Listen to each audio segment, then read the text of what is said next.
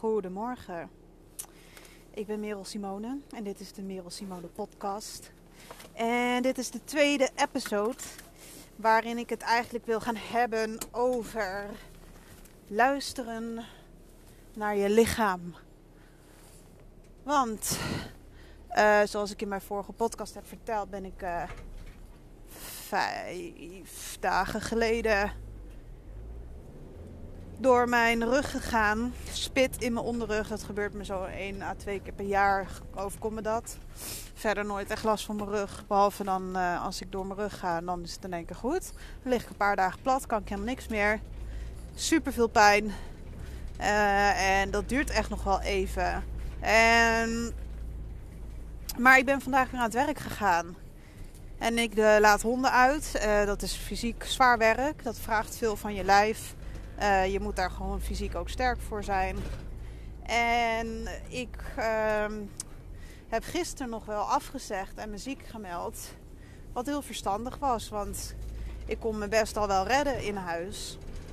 Uh, en ik kon bewegen en ik kon dingen zelfstandig doen. En het leek allemaal wel beter te gaan. Maar dan doe je dus fysiek nog niet zoveel. En uh, maar ja, ik dacht, nou oké, als ik alleen maar in thuis, als ik thuis ook gewoon mezelf kan redden. En ik, weet je, als je er gewoon niet zo ziek bij ligt.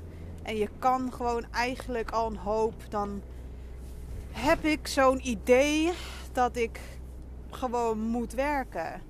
Uh, je gaat gewoon pas thuis zitten als je gewoon echt niet, niet kan werken. Alleen dat is een beetje een ouderwetse mentaliteit. Ik vind wel nog steeds wel dat dat. Ik vind niet dat je je bij elke scheet moet uh, ziek melden, natuurlijk. Maar. Um, eigenlijk had ik vandaag niet moeten gaan werken. Ik heb net één wandeling erop zitten en ik heb een pijn aan mijn rug. Ik merk het gewoon bij het in- en uitstappen van de bus. Dat, dat gaat gewoon niet goed.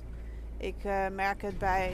Uh, als ik naar de bus loop, dan moet ik de honden weer aanlijnen. En dan heb je dus weer wat honden aan de lijn zitten. Dan gaat het gewoon nog niet goed. Um, dus eigenlijk was het nog niet, is het nog niet helemaal verantwoord dat ik uh, vandaag weer aan de slag ga. Maar ja, ik maak de dag nou eenmaal wel gewoon af. Ik ga me niet nu halverwege weer uh, ziek melden. Dat, uh, dat zie ik helemaal niet zitten. Maar ik zat er wel over na te denken. Want ja. Um, wij hebben afgelopen zaterdagavond een telefoontje gehad. Um, nou, mijn vriend eigenlijk van zijn baas. Dat de collega van hem, een man van 50, is uh, plots is overleden die middag, zaterdag, aan een hartinfarct. Dus wat heel raar was, we hebben echt even bij stil moeten staan. En we waren er ook heel stil van. En mijn vriend vooral vond het zo vreemd. Uh, die heeft nog mailtjes van hem openstaan. Hij had het een paar dagen geleden nog aan de telefoon gehad. En uh, ja, de, kijk, ik geloof tot op zekere hoogte dat eigenlijk heel veel dingen wel gebeuren voor een reden. En dat ook dingen op je pad komen die op je pad moeten komen. Um, maar dat zijn twee verschillende dingen. Um, ik kan, ik, ik, het voelt niet goed om nu te zeggen, nou die man is overleden voor een reden. Dat, uh, dat, dat kun je niet verkopen, dat kan niet, dat is niet zo. En dat gaat zijn familie zeker nu absoluut niet geloven. Dus dat zou ik zelf ook niet geloven als het mij zou overkomen. Oh wel, ik zou niet weten hoe het voelt. Ik heb het nog nooit meegemaakt. Een dicht een familielid van dichtbij, dat is, dat is overleden. Dat ik me nog goed kan herinneren. Dus ik weet niet hoe dat voelt. Ik kan me er niet veel bij voorstellen. Maar um, ja, ik, ik, um, ik denk um, dat zijn twee verschillende dingen. Dus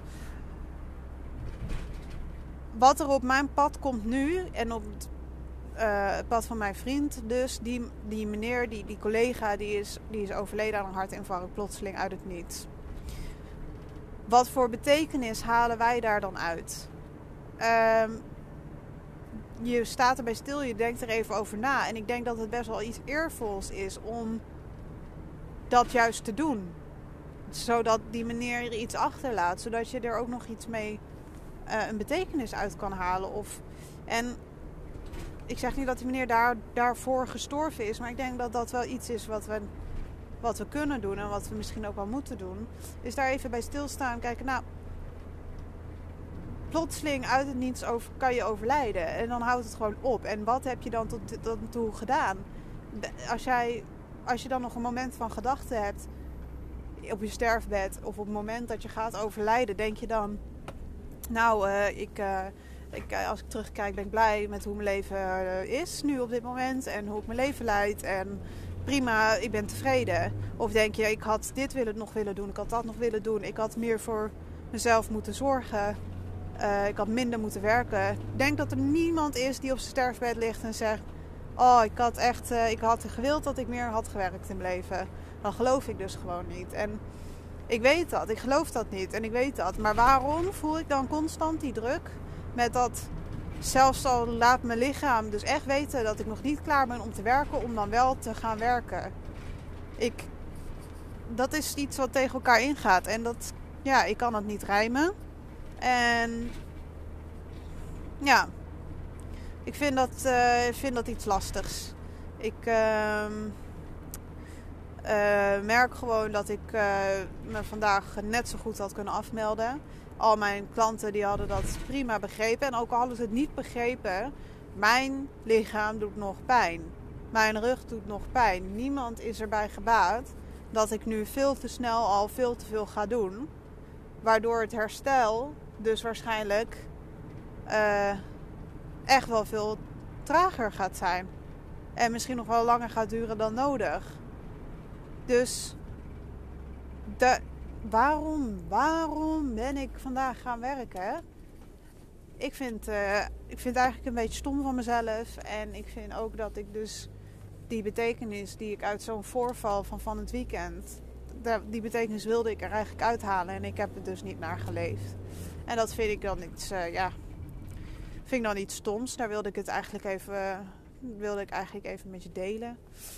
Um, sowieso vind ik het altijd wel heel een interessante discussie hoe wij in Nederland die druk toch voelen. In die, ja, ik denk sowieso in die westerse maatschappij. En ik denk dat het hier nog niet eens zo erg is als in wat je hoort in Japan. Hè? Uh, de burn-out. Wij kennen ook een burn-out. Nou, daar is het dus gewoon tien keer zo erg. En overlijden mensen er gewoon regelmatig aan. Die werkdruk is daar nog veel hoger. Maar dat is een hele andere discussie. En ik denk dat het in Amerika ook de werknorm, de norm ook hoger ligt dan, dan hier in Nederland. Maar toch um, wil ik het hier ook niet onderschatten. Ik, ik merk het aan kleine dingen. Het uitzicht in kleine dingen. Zoals um, hoe normaler het is als iemand vraagt: hey, kun je morgen, heb je tijd om morgen dit en dit te doen? Of wil je morgen dit en dit doen? Hoe normaler het is om dan te, antwoorden met: nee, kan niet, moet werken. Nou, klaar. End of discussion. Niemand trekt dat in twijfel. Tegenover als je zou zeggen: nee, kan niet, ik heb morgen vrije tijd voor mezelf nodig. Het, de sociale acceptatie daarom, die is er bijna niet. Ik denk dat het wel steeds meer begint te komen. Momentje hoor, ik moet nu dus een hond thuis brengen en uit de bus stappen. En dat gaat echt uh, moeizaam. Dus ik moet het even heel bewust doen. Anders dan schiet het gelijk weer erin. Kom maar, Gary.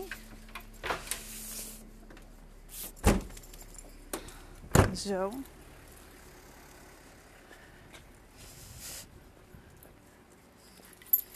En uh, ik ga zo verder praten.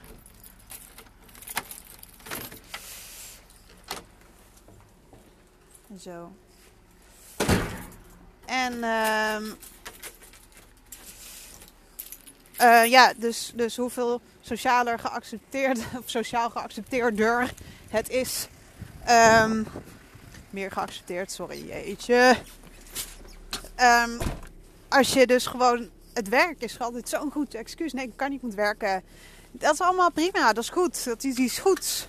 Als je niet kan, als je te druk hebt, want je moet werken. Dat trekt dat niemand. Niemand trekt dat in twijfel. Niemand zeurt daar ook over. Maar als je zegt nee, kan niet, want ik heb even tijd voor mezelf nodig. Dat, ja, het begint nu langzaam te komen dat het oké is. En, maar ik denk dat het gewoon ook niet oké is, omdat heel veel mensen, dus hetzelfde als ik, nog zoiets hebben van. Um, dat ze dat ook vinden, dat ze dat te weinig voor hunzelf doen. Misschien zijn ze, is het ook een beetje jaloezie. Zo van, wow, oké, eh, ja, ik heb ook tijd voor mezelf nodig. Waarom neem ik geen tijd voor mezelf? En uh, sorry, maar ik neem, of, meer zoiets van, uh, ik heb ook tijd voor mezelf nodig, maar ik ga toch ook gewoon nog steeds dingen doen. Dat het een beetje een soort van, ik weet niet, afschuw of niet misgunning misschien. Ik weet niet waar het vandaan komt, maar ik vind het wel zeker iets om over na te denken. Want de eerstvolg, want het, als je erover nadenkt, misschien vind je het dan minder erg en wordt er langzaam, komt er langzaam meer een klimaat in Nederland waarbij het gewoon oké is om wat meer, of ervoor uit, waarbij het oké is om ervoor uit te komen dat je nee kan niet, want ik heb gewoon tijd voor mezelf nodig. In plaats van dat je een of andere smoes moet verzinnen of zo. En dat het ook oké is om een lege agenda te hebben, weet je wel. Er zijn ook zoveel onderzoeken naar gedaan, dit hele sociale, om oh, even kijken of ik nog een gaatje in mijn drukke schema heb. Hoeveel hoger sociaal aanzien dat heeft ten opzichte van, nee ja, zeg jij maar wanneer jij kan, ik kan altijd. Je hoort het al op de toon waarom iemand, iedereen dat zegt. En denk er eens over na, waarom, waarom is dat? Uh, ja, omdat je moet werken in dit land. En dat werk is oké. En ik denk dat het gewoon nog het Calvinistische is wat in ons zit, in ons DNA zit. En ik denk dat het voorlopig nog wel zou blijven. Maar ik zal in ieder geval nooit iemand af. Zeg maar, uh, hoe noem je dat? Het afkeuren als iemand ervoor uitkomt van nee, ik slijf over. Ik heb echt even een avond of een dag of een week wat mijn part voor mezelf nodig. Kijk, als die uh, persoon een goede vriend of vriendin van mij is en die uh, blijft afzeggen, dan is het een ander verhaal. Maar, maar je weet wat ik bedoel. Ik denk, ik denk als iedereen dat gewoon oké vindt, dat het klimaat daardoor wat zachter wordt, dat iedereen wat meer tijd voor zichzelf maakt en dat het ook wat meer oké is als je gewoon uh, wat meer zorgt voor jezelf. En dat heeft niks met egoïsme te maken. Ik denk namelijk pas dat we echt volledig voor anderen er kunnen zijn en voor anderen kunnen zorgen. Mentaal en fysiek, als we ook goed voor onszelf zorgen in eerste instantie. Dus ik denk dat dat een beetje de clue is van dit verhaal. En ik denk dat ik dat dus ook echt wel had moeten doen vandaag. Voor mezelf zorgen. En dat is dus gewoon nog mijn rug rust geven vandaag. Zodat ik sneller hersteld ben. Zodat ook andere mensen weer sneller echt de, uh, wat aan mij hebben. En dan de hele, maar niet een halve krakkemikkige merel, maar gewoon een, uh, iemand die gewoon weer helemaal in orde is. Dus dat wou ik even meegeven. Nou, dan ga ik uh, weer stoppen. Het was een korte deze keer, maar ik blijf het denk ik zo doen. Al zijn het lange of korte dingen die ik bedenk of waar ik over nadenk, ik ga ze gewoon delen. En wie weet kunnen mensen zich hierin vinden of ontstaat er een discussie of ik weet het niet. Ik zie het allemaal wel. Maar dat is waar ik zo over na zat te denken. Nou, bedankt voor het luisteren in ieder geval weer. En ik ga nu even lunchen thuis. En dan ga ik vanmiddag weer werken wandelen. Hopelijk gaat het een beetje met mijn rug. En dan, uh, ik denk dat ik hem iets inkort, zodat ik wat sneller thuis ben. Dan kan ik mijn rug toch weer even wat meer rust geven. Um, in het kader van voor mezelf zorgen. Oké, dankjewel voor het luisteren en tot de derde.